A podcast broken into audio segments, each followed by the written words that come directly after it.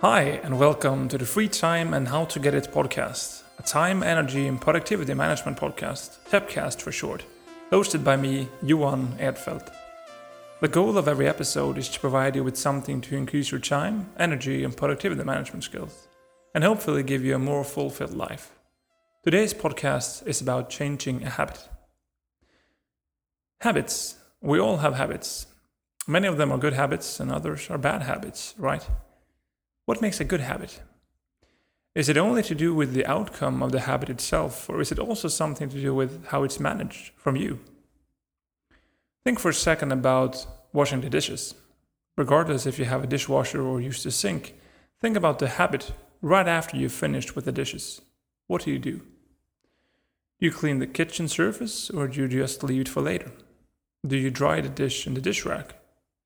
Do you wipe the rest of the kitchen? Regardless of your choice, there are a few things that is worth considering.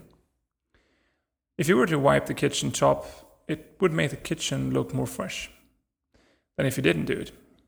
And the next spring cleaning would likely go faster. However, you do put in a couple of minutes instead of just walking away. But it might also give you some satisfaction when you've cleaned everything in the kitchen that might boost the rest of your day or at least the next 10 minutes or so. It could also mean that you reduce the potential bacterial growth in the part of the kitchen that long term reduce the risk for you becoming ill of a certain ailment.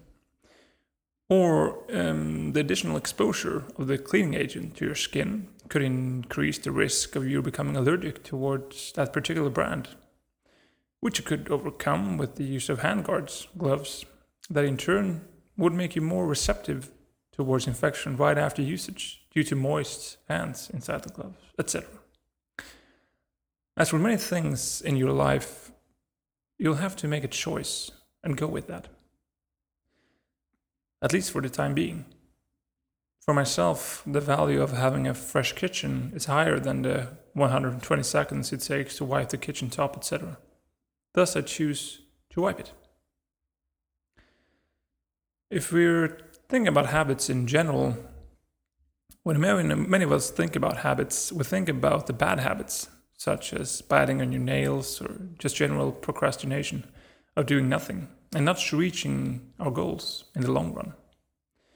But there are plenty of good habits as well.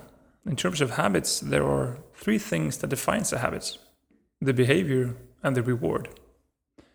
The cue is the trigger, the thing that starts it, starts the habit.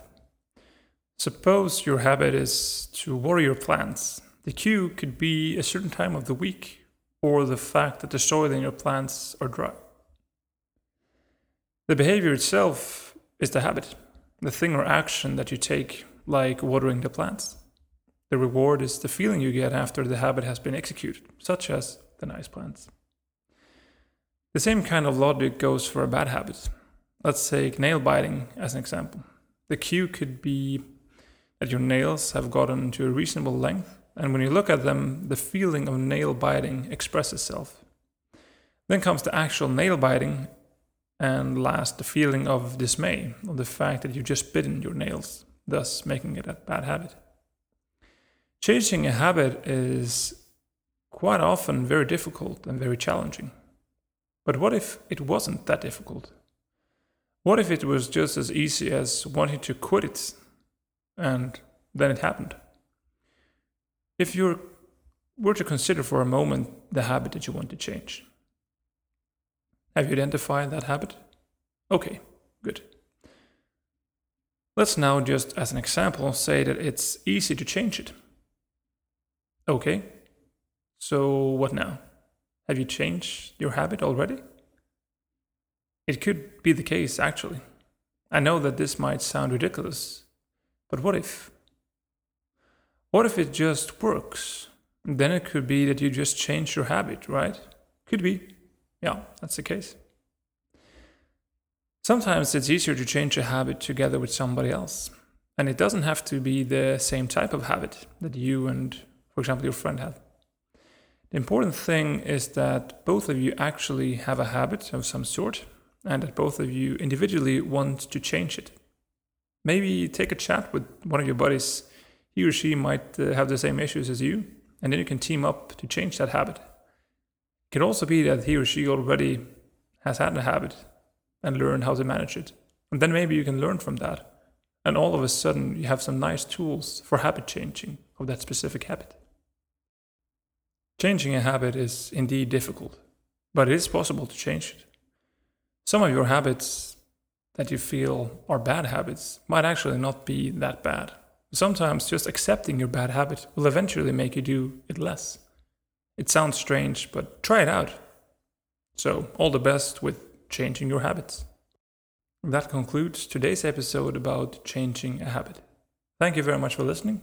Send in your questions to the freetimepodcast at gmail.com and I'll gather them in a QA session once in a while. Be sure to check out all my other projects on johanerfeld.com. Comment on my free time podcast page on Facebook, listen to my music on Spotify, try out my finance management tool for your household economics, and why not read a poem or two.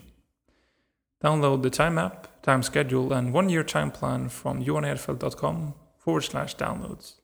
Thank you for listening, and I'll see you next week.